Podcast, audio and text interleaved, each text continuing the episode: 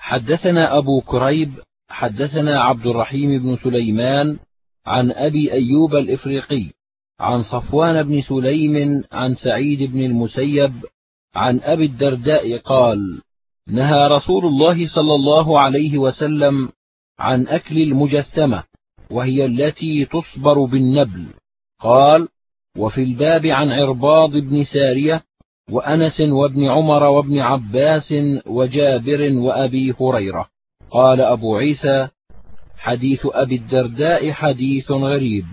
حدثنا محمد بن يحيى وغير واحد قالوا حدثنا أبو عاصم عن وهب بن أبي خالد قال حدثتني أم حبيبة بنت العرباض وهو ابن سارية عن أبيها أن رسول الله صلى الله عليه وسلم نهى يوم خيبر عن لحوم كل ذي ناب من السبع وعن كل ذي مخلب من الطير وعن لحوم الحمر الأهلية وعن المجثمة وعن الخليسة وأن توطأ الحبال حتى يضعن ما في بطونهن.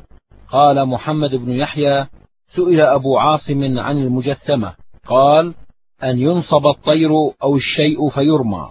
وسئل عن الخليسة فقال الذئب أو السبع يدركه الرجل فيأخذه منه فيموت في يده قبل أن يذكيها.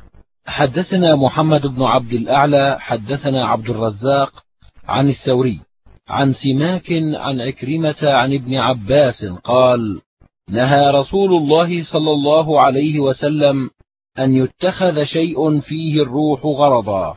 قال أبو عيسى هذا حديث حسن صحيح والعمل عليه عند أهل العلم. حدثنا محمد بن بشار حدثنا يحيى بن سعيد عن مجالد قال حدثنا سفيان بن وكيع حدثنا حفص بن غياث عن مجالد عن أبي الوداك عن أبي سعيد عن النبي صلى الله عليه وسلم قال ذكاة الجنين ذكاه أمه. قال وفي الباب عن جابر وأبي أمامة وأبي الدرداء وأبي هريرة. قال أبو عيسى هذا حديث حسن صحيح وقد روي من غير هذا الوجه عن أبي سعيد والعمل على هذا عند أهل العلم من أصحاب النبي صلى الله عليه وسلم وغيرهم وهو قول سفيان الثوري وابن المبارك والشافعي وأحمد وإسحاق. وأبو الوداك اسمه جبر بن نوف. حدثنا أحمد بن الحسن حدثنا عبد الله بن مسلمة عن مالك بن أنس عن ابن شهاب عن أبي إدريس الخولاني عن أبي ثعلبة الخشني قال نهى رسول الله صلى الله عليه وسلم عن كل ذي ناب من السباع. حدثنا سعيد بن عبد الرحمن المخزومي وغير واحد قالوا حدثنا سفيان بن عيينة عن الزهري عن أبي إدريس الخولاني نحوه. قال أبو عيسى هذا حديث حسن صحيح وأبو إدريس الخولاني اسمه عائذ الله بن عبد الله. حدثنا محمود بن غيلان حدثنا أبو النضر هاشم بن القاسم حدثنا عكرمة بن عمار عن يحيى بن أبي كثير. عن أبي سلمة عن جابر قال حرم رسول الله صلى الله عليه وسلم يعني يوم خيبر الحمر الإنسية ولحوم البغال وكل ذي ناب من السباع وذي مخلب من الطير. قال وفي الباب عن أبي هريرة وعرباض بن سارية وابن عباس. قال أبو عيسى حديث جابر حديث حسن غريب. حدثنا قتيبة حدثنا عبد العزيز بن محمد عن محمد بن عمرو عن أبي سلمة عن أبي هريرة أن رسول الله صلى الله عليه وسلم حرم كل ذي ناب من السباع. قال أبو عيسى هذا حديث حسن والعمل على هذا عند أكثر أهل العلم من أصحاب النبي صلى الله عليه وسلم وغيرهم وهو قول عبد الله بن المبارك والشافعي وأحمد وإسحاق. حدثنا محمد بن عبد الأعلى الصنعاني. حدثنا سلمة بن رجاء.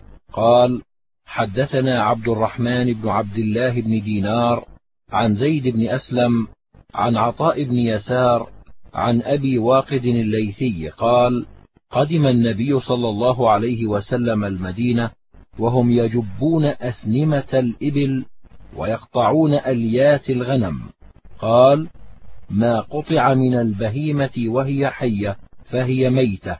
حدثنا إبراهيم بن يعقوب الجوزجاني. حدثنا أبو النضر عن عبد الرحمن بن عبد الله بن دينار نحوه. قال أبو عيسى وهذا حديث حسن غريب لا نعرفه إلا من حديث زيد بن أسلم والعمل على هذا عند أهل العلم. وأبو واقد الليثي اسمه الحارث بن عوف. حدثنا هناد ومحمد بن العلاء. قالا حدثنا وكيع عن حماد بن سلمة. وقال أحمد بن منيع حدثنا يزيد بن هارون. أنبأنا حماد بن سلمة عن أبي العشراء عن أبيه قال قلت يا رسول الله أما تكون الزكاة إلا في الحلق واللبة؟